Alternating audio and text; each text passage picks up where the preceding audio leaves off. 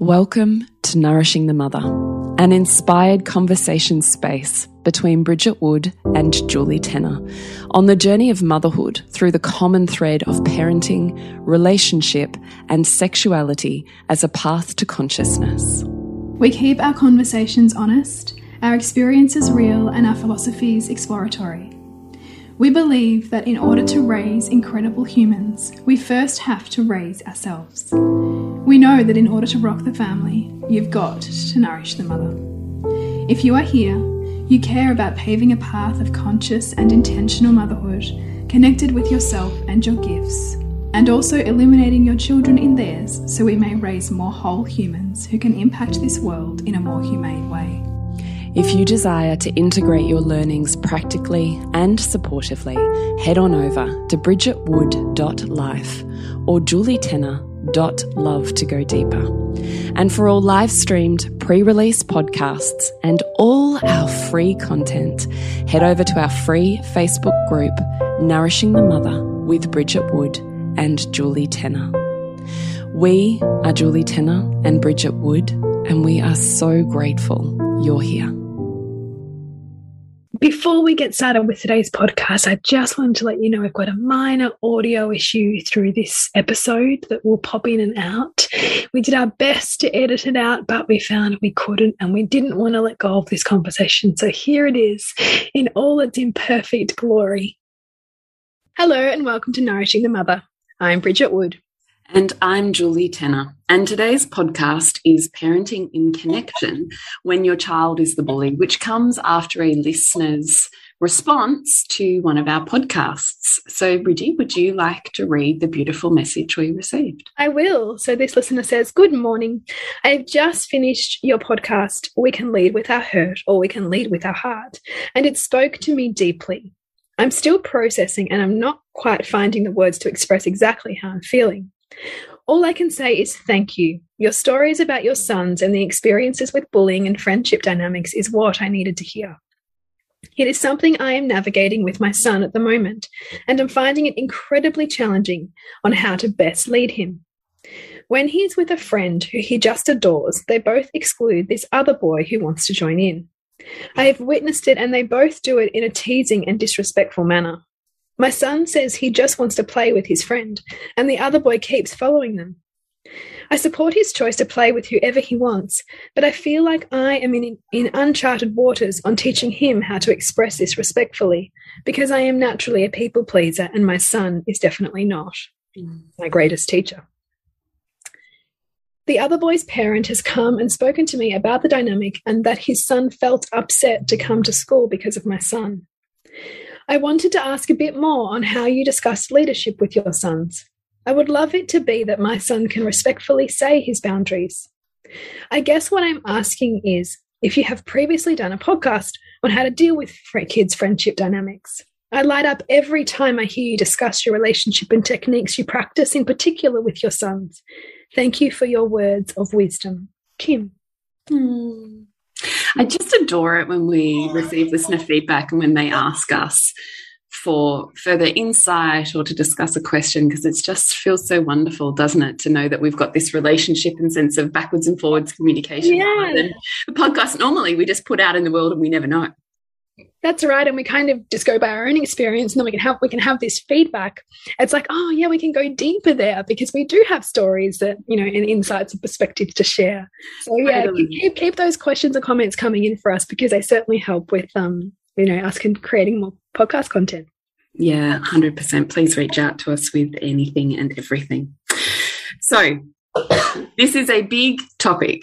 So we just first want to say everything in dynamic with our children and with our lives, we come from the standpoint of is a dynamic mm-hmm. that has healing potential and is co created by everyone involved. No one dynamic is created by any one person in the world where we can take that slightly further step back from uh, it's you and it's me into what's the dynamic, what's the service, what's the function, what's the co creation here when we take a slightly bigger view. we can remove ourselves from the concept of guilt and shame and blame because we're looking at it from the perspective of what is everybody gaining, learning, and trying to process or heal in this dynamic. And I don't know about you, Bridge, but just being able to do that really lets me build a sense of compassion in my own body rather than a more volatile emotional state of shame or guilt or blame or like the ego sense of self that's often has that volatile emotionality to it just relaxing back and a little bit bigger mm allows me to really be able to process at a level that that I feel still allows me to be connected to myself and my child, particularly when they're the ones that are not cast in a beautiful light.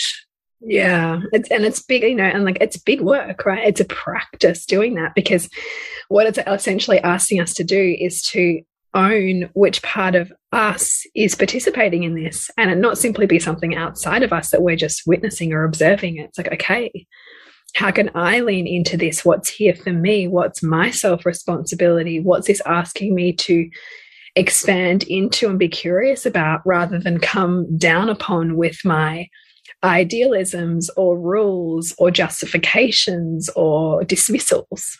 Mm. Yeah, right. because the problem that we see with with any style of parenting is for us the dynamic is never as simple as what we do to them what we do to our kids what we teach our kids. It's always hang on a minute let me just bring that light back towards myself. What do what does this ask me to rise into? Where is my discomfort? Where is my growth that's reflected here?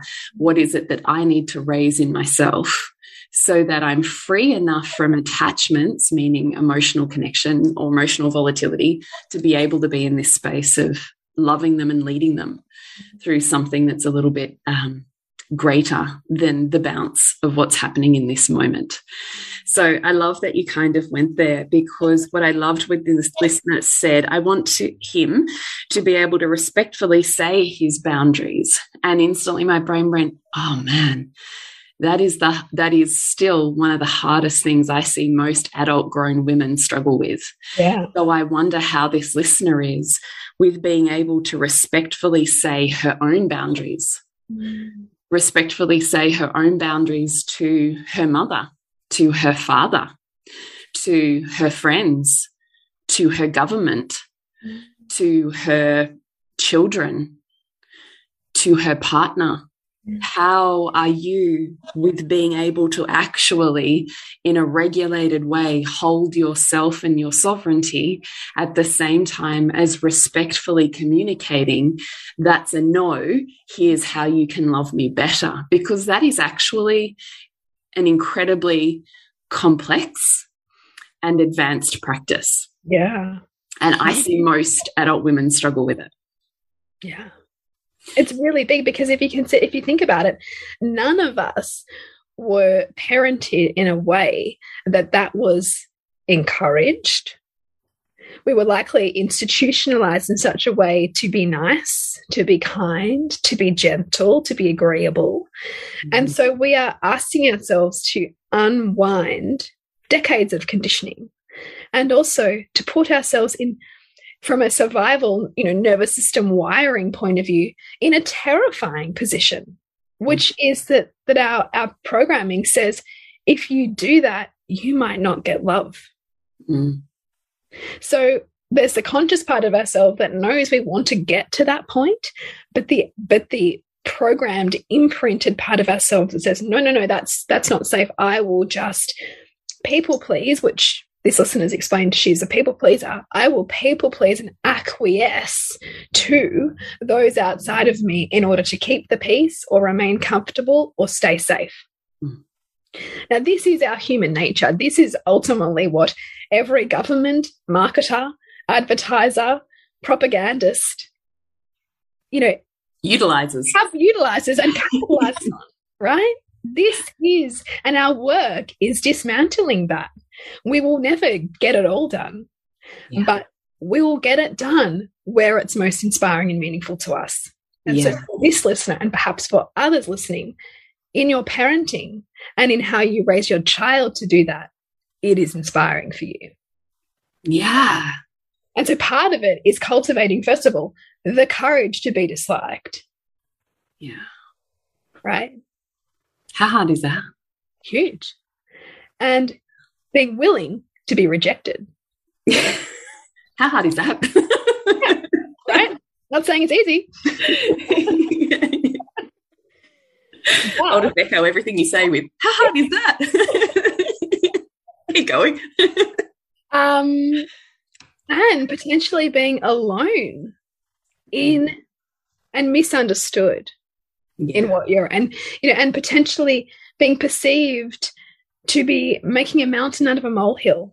Mm. because what's the big deal? You know, yeah. go with it. Yeah Just being perceived to be wrong too much which results again in isolation and separation. Yeah. and we are beings that require or seek belonging. Yeah. Yeah definitely so when this listener is saying, I really want my son to be able to do these things, we will always say, I hear that. And gosh, yes, we would love that for our children too. But the work first has to start with us because if we consider that our children are the expression of our own repressions, the degree to which you avoid speaking your boundaries out loud in a regulated way will be the degree to which he is over exacerbating those. So, meanness and exclusion is a form of reclaiming boundaries, but it's not a regulated or embodied form. It comes in still, I'm uncomfortable. I don't know how to be in this space. So I'll kind of avoid the feeling and the tension that exists from holding a loving boundary because that requires intimacy. And being mean, just kind of like anger, allows me to kind of bypass the pain and the awkwardness and the anxiety into something that feels more powerful. So when I see that mean behavior, I'm automatically going, wow, you're really avoiding something here that's really hard for you to be with. And so I see that as, oh, you need some social skills here. You need some help because you don't know how to hold yourself in this space. And baby, I get it. Yeah, and be with that tension. Part mm -hmm. for us as parents, we have to dive into being in that tension with them yeah. Because because the moment it becomes too uncomfortable for us to be in with them, we will leave. Mm. And then they've left because we're no longer holding them in that space. Mm. And so the be beautiful practice is like looking, as Julie suggesting, looking at, okay, well, where am I struggling to do that? And what's one way today where I can ask myself to lean into that tension point mm and hold the boundary respectfully without attachment to how that person might receive it. Mm. There's the degree to which you reclaim it. Yeah, no, you can't control it. All you are ever, ever responsible for is your own integrity mm. or lack of. Mm. So, to be able to lean into that and reclaim that space for yourself will mean that your children will automatically that dynamic will shift because either they won't need the exacerbated experience in which to bring it to your surface and them trying to learn it because they're not having a pathway to easily follow so they're kind of forging it and trying to work it out in a messy sort of way so the more you reclaim it in you the less this painful dynamic will exist and the more that child automatically has the skill set because it's almost like an automatic download when they witness it in you that's yeah. just part of the soup and it's the it's the imprint ultimately because it's what we do, not what we say. It's what we live, not what we preach. Totally. Amen to that. Yeah. So I would really work on I, I, have been trying to think about times I've been in in variants of those situations with my own son, which I know really spoke to this listener when we were talking about our own personal experiences. And I first off have to remind myself that meanness is a way of finding power so I automatically ask myself, it's counterbalancing a state of disempowerment. Yeah. So where are you feeling disempowered and like you don't have choice and you're not able to navigate your own life? So where can I perhaps see or ask you or be involved in that conversation around where is that really hard? Where are you being told at the moment? How can I hand over some more reins to you? Mm. Because that is really important that in our parenting, we're handing over that control to them. We're leading from the place of here's best practice for looking after yourself, your body, your psyche, your spirituality, spirituality blah, blah, blah. But then we have to hand those reins over. And, and now you know, now you decide and you play and you discover. So I often find we hit these bumpy bits when I'm called to hand over. Yeah, I love that reflection. Because if you're holding too much or controlling too much, the natural inclination is the resistance in the child and the pushback in the child. So is it actually, you know, you've got to get to the problem, be like, but if the problem, which is actually, okay, there's a power imbalance here. There's a need for autonomy that I am not honoring. So how can I help them feel back in connection? And you know, and for younger children, perhaps in the form that they want the control, they can't have that control, right? Because it might be to do with safety or to do with the rest of the family's needs. And so we give a simulation of power through power reversal games. Mm. And from that place, there then may be an opportunity to have the conversation or set up, you know, a more respectful dynamic for them to carry themselves in because they're not clawing at the need for power because they've got a felt sense of it again. Yeah, totally. And where you can handing over power. So I always, always kind of thinking front of mind, how can I offer choice? Yeah. In as many situations as I can rather than it's it's this or you know it's my way or the highway. Here's here's two choices. Which would you like? Here's where we're going. Here's two places. Which would you like? Like handing over that choice. I loved when we were chatting before the podcast bridgie and you were talking about a yes day and it reminded me of all the yes days i've intentionally created with my kids over the years. And i was like oh god i haven't done that. Yeah. it's been two years in bloody lockdown. Like, oh. out of ah. practice out of practice. And, and, right. And like that's a cup filling thing right? Like because yeah. if we have the yes days in place, if we have the preemptive conversations around power and choice, then potentially the need for power doesn't play out in friendship dynamics because there's not this sense. Because remember that children come to school and they'll play out what's unresolved in the home as well. Mm. You've got all these children, particularly in like lockdowns and like mm. intense stuff that's been going on for a lot of people in the world at the moment. You've got all these dysregulated children coming together, trying to set all their all their other kids up to feel what it feels like to be them.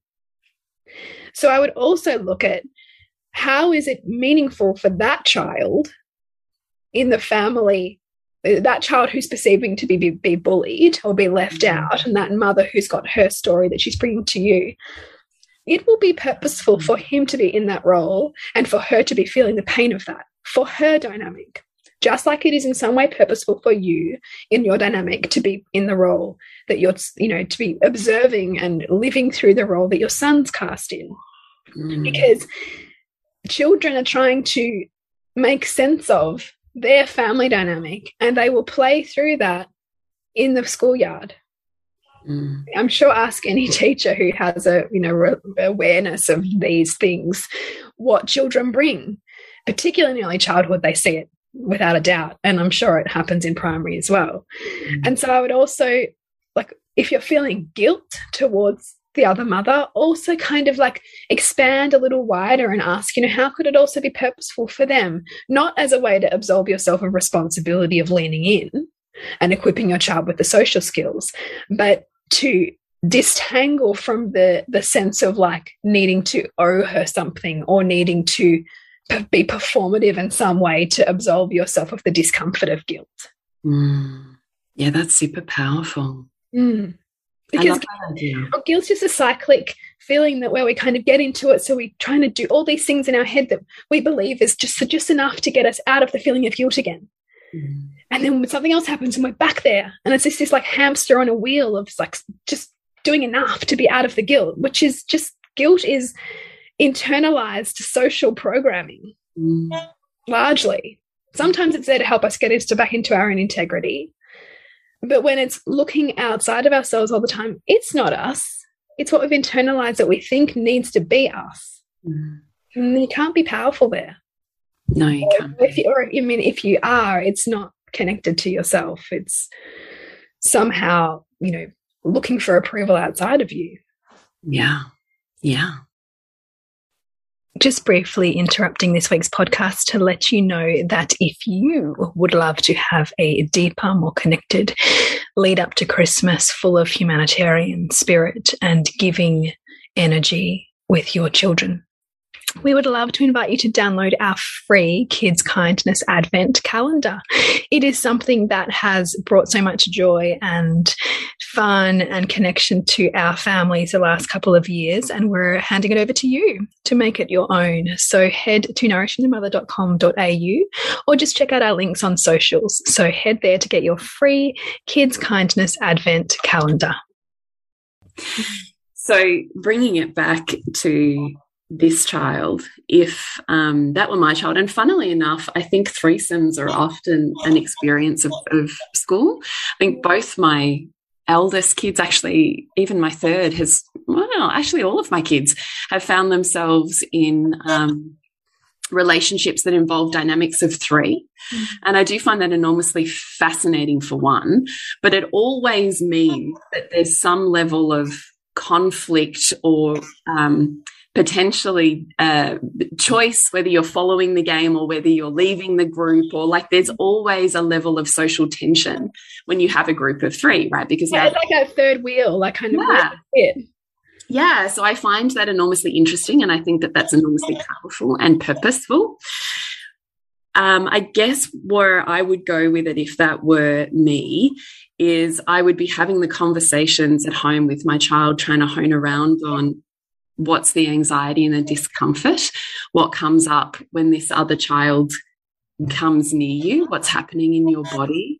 Mm -hmm. And when you do that thing where you're mean or you walk away or run away or whatever, what is actually happening? Where are you? Are you in your body or are you somewhere else? Like getting, seeing if we can get really present and kind of just dig around from a body centric perspective so that my child can gain the awareness of when they're regulated and in their body and when they've gone into some sort of this is a fight mode yeah. some sort of flooding that's like i'm now in a reaction i'm not making a choice that's authentic to me yeah. and that not that you know i mean super little kids are of course not going to get this in one foul swoop but it's never the one conversation it's the continuous massaging and reminding of what integrity looks like and sounds like and what integrity feels like and what alignment feels like and what it doesn't, because that's the lesson that serves for the rest of your life. Mm. Yeah. So I have those conversations around what's happening in your body and we dig around and we just bring awareness to it. That's all this relation that's all this conversation is, is let's bring awareness. Can you notice when you're in your body? I would also I would go to the my child's teacher or kinder teacher and I would be asking them for their advice just to say this is a dynamic I can see playing out what do you know about it? What mm. have you seen? What advice would you give? I want to work collaboratively with the school so that we're on the same page at home as the school is in school and that we're all actually on the same team. So, how do we work together to best support this child? Because often the bully is also suffering from some type of social discharge and dynamic as well. Mm -hmm. Sometimes I've noticed the bully or the perceived bully is being bullied. Yeah. So there's so many different options if we go beyond behavior into how do we best support this child mm. and how do we best work with with home and school for the best possible outcomes to support my child so that they have the best possible choices they're not good or bad they have the best possible chance, the best possible choices. And it makes sense to do that too, because ultimately, because we all see it from our own unique perspective, having the insight from the teacher and from what they witness in the dynamic can give you more pieces of information in which to know how to approach it rather than just approaching it from the lens through which you see it. So that can be really helpful. Yeah, really helpful. So I'm definitely doing the body work. Notice when you're in your body and in alignment and integrity notice when you're not. And then I'd be conversations with school, getting on the same team and page. And then I'd be having conversations with my child. And I would be talking around one of our fundamental values as a family is respect respect for self, respect for others. That doesn't mean you do what someone else wants, but there's a way to communicate that that feels really good for everyone. Mm and is respectful. And there's a way to communicate that which leads you into feeling bad right now or feeling bad later. The pain doesn't leave. Yeah to help them edge closer to feeling the pain now so they can be free from that ultimately, right? Like kind of move toward the scary thing and excavate around it and find a way out of it rather than it kind of being this big thing that you just continually avoid. Yeah, yeah. So if this were and in we've done this in kindergarten this year so my four-year-old this year has had that issue with a, a person at kinder following her and she not knowing how to handle that and what to do with it. And I adored the way that the kinder teachers supported that. It was just magnificent and put into perspective and included awareness of neuro neurodiversity mm. And how to empower my child who was actually socially not empowered enough to stand her ground in that moment. She didn't actually have the social literacy. And that was all she was learning. And so there's this wonderful human in there who's teaching her social literacy. And so I never looked at her as the victim or, oh my God, she's either going to act out or she's the victim and they're the only options. I had the conversations with the teacher saying, I've noticed this dynamic. I don't know exactly how to facilitate this. And they were like, no, you, no one gets to feel unsafe. But the way that we teach that is we get to create personal boundary first. So that's when we say we put our hand out just flat like a stop sign and we're like, this is my space, like this is my dance space. So no, which just gives them enough personal space and also time to process how do they want to be in the next moment? What are the choices they actually want to make in the next moment? It just gives them breathing room. So I loved that idea of they were just working with my child around put your hand out to know I don't want to do that right now, or no, you don't get to touch me, or whatever the thing is right now. No, I don't want to do that right now. But I want to go on the swings. Do you want to come? I want to play with my other friend right now. I could play Play Doh with you later. Like, whatever it is, just going, not this, not now. Here's what I want, but I'll meet you later. We'll do this later. Or I just don't want to right now. So that there's versions of how to handle that. Sometimes I just think they need to know what their options are. Mm, yeah. But choice is power, right? Mm. And unless they know they have choices, how, how can they know them, right? Unless you know them. Yeah, that's right. So I love the idea of creating personal boundary first, which is just that sense of space. Okay, I'm just taking a breath. No, no, I don't want to do that right now. Sometimes, depending on whether that person's a space invader or not, maybe that's going to be more aggressive in, in said with more power. Mm. But if that person's just going, I want to play with you, I want to play with you, just being really clear on, I don't right now. I want to be alone. Or I don't want to play that right now. I want to do coloring. I don't want to play that right now. I want to go and be with my one friend.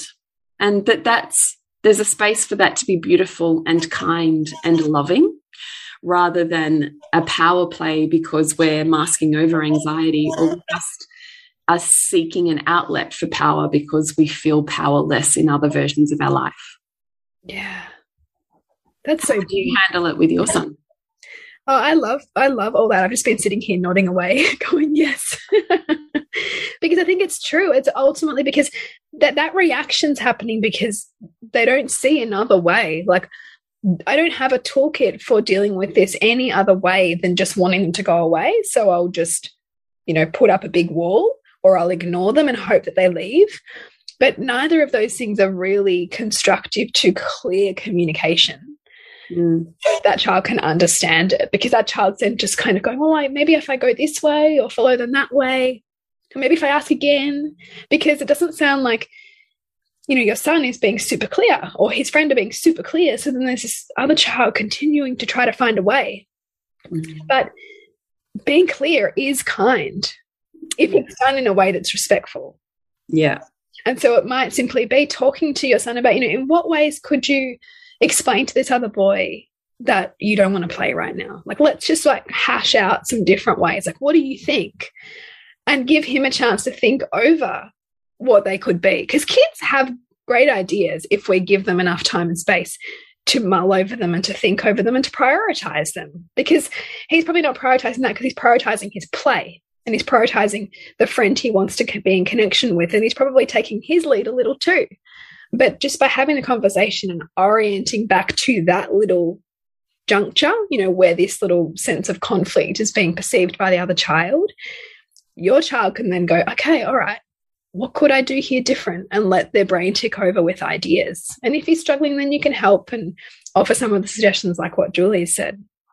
But I do think putting the child in the place of coming up with ideas is empowering for them because if it's self-generated as an idea, they're more likely to draw on it too because they've thought of how they could do it. That's such such a beautiful reminder. Yeah.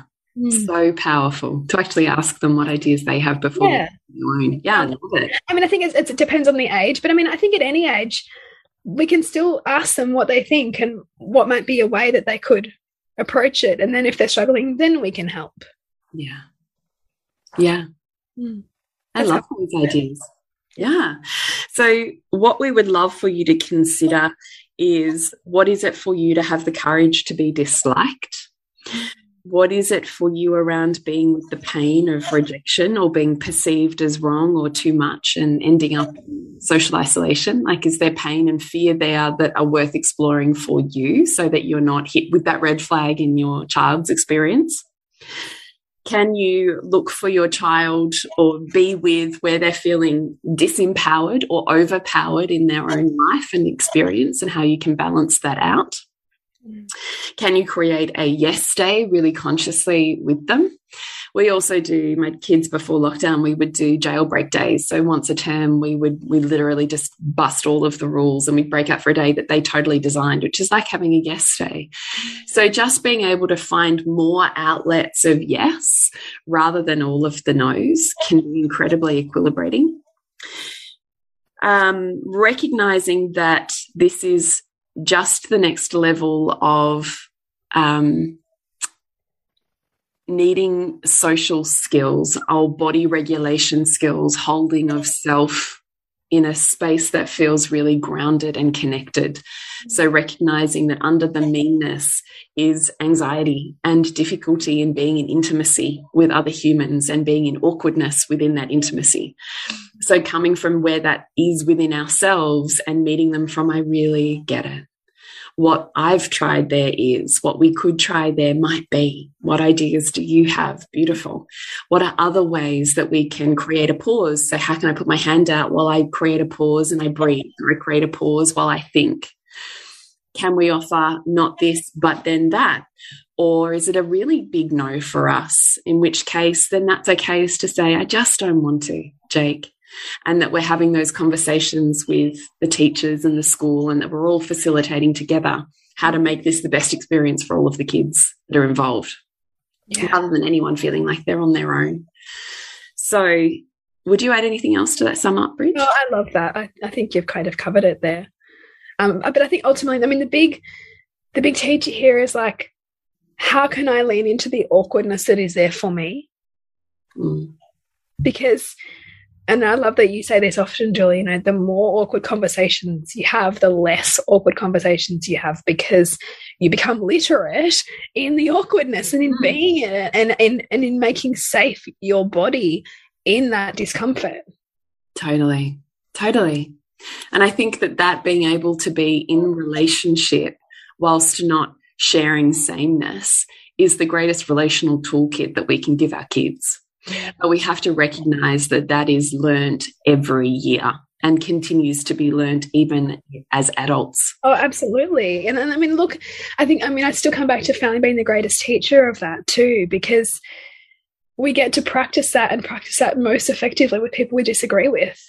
Mm. You know, can I still be in connection with you and love you when we disagree? Mm. Or when we see things totally different or do all my fight and flight you know behaviors come up in order to protect myself? How much can i be with the discomfort here and the awkwardness here mm. and stay in relationship? Totally. And that's like ninja work. But if we can continue to do that then we come up with more effective tools of communication and more capacity to be in different relationships and with people very different to ourselves and still be respectful, which is what we want for our children. Definitely, it's what we want for our kids. So, we're also in the show notes, we're going to include a list of about eight other podcasts from our podcast, Nourishing the Mother, or episodes, I should say, that relate or might talk around and give you more tools on this particular topic. So please look in the show notes to, if you wish to explore this further around how you're holding these tension points in your children's development and reflection of self in all of the awkward creation of finding our own boundaries in a regulated and connected way. So we will include that resource in the show notes. We will. And to connect with you, Julie? Is julietenner.love and to connect to you, Bridge? bridgetwood.life. Remember to nourish the woman to rock the family. And we'll see you next week when we continue to peel back the layers on your mothering journey. Thank you so much for listening. We literally couldn't do this without you. Please share this podcast with anyone you think it would be medicine for. If you desire to integrate your learnings practically and supportively into your life, then head on over to bridgetwood.life or julietenner.love to go deeper. And if you feel like giving back a little to this free content, please rate us on iTunes or Facebook, all of which helps the podcast reach more mamas who need this type of tonic for the soul.